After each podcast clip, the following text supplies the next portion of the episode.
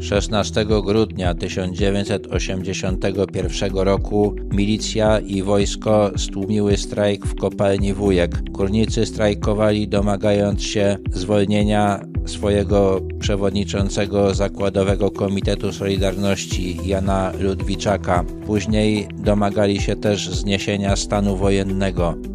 Wojewódzki Komitet Obrony w Katowicach skierował do tej akcji 1471 milicjantów, 760 żołnierzy, 22 czołgi i 44 bojowe wozy piechoty.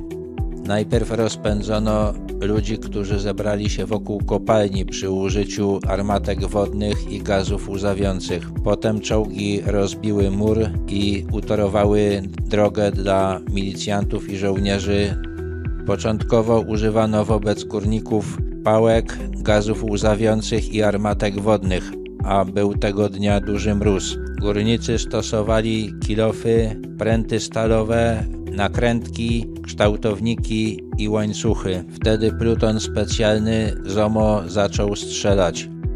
Zginęło dziewięciu górników. Jan Stawisiński, przyczyną był strzału w głowę. Joachim Gnida, strzał w głowę. Józef Czekalski, strzał w pierś i w brzuch, Józef Giza, strzał w szyję, Ryszard Gzik, strzał w głowę, Bogusław Kopczak, strzał w wątrobę, Andrzej Pełka, strzał w głowę, Zbigniew Wilk, strzał w serce, Zenon Zając, strzał w serce.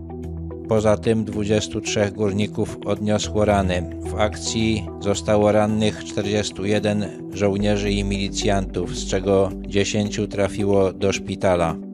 Górnicy liczyli na to, że jeżeli pozostaną w zakładzie, to nie będzie się do nich strzelać, bo do tej pory zawsze tak było.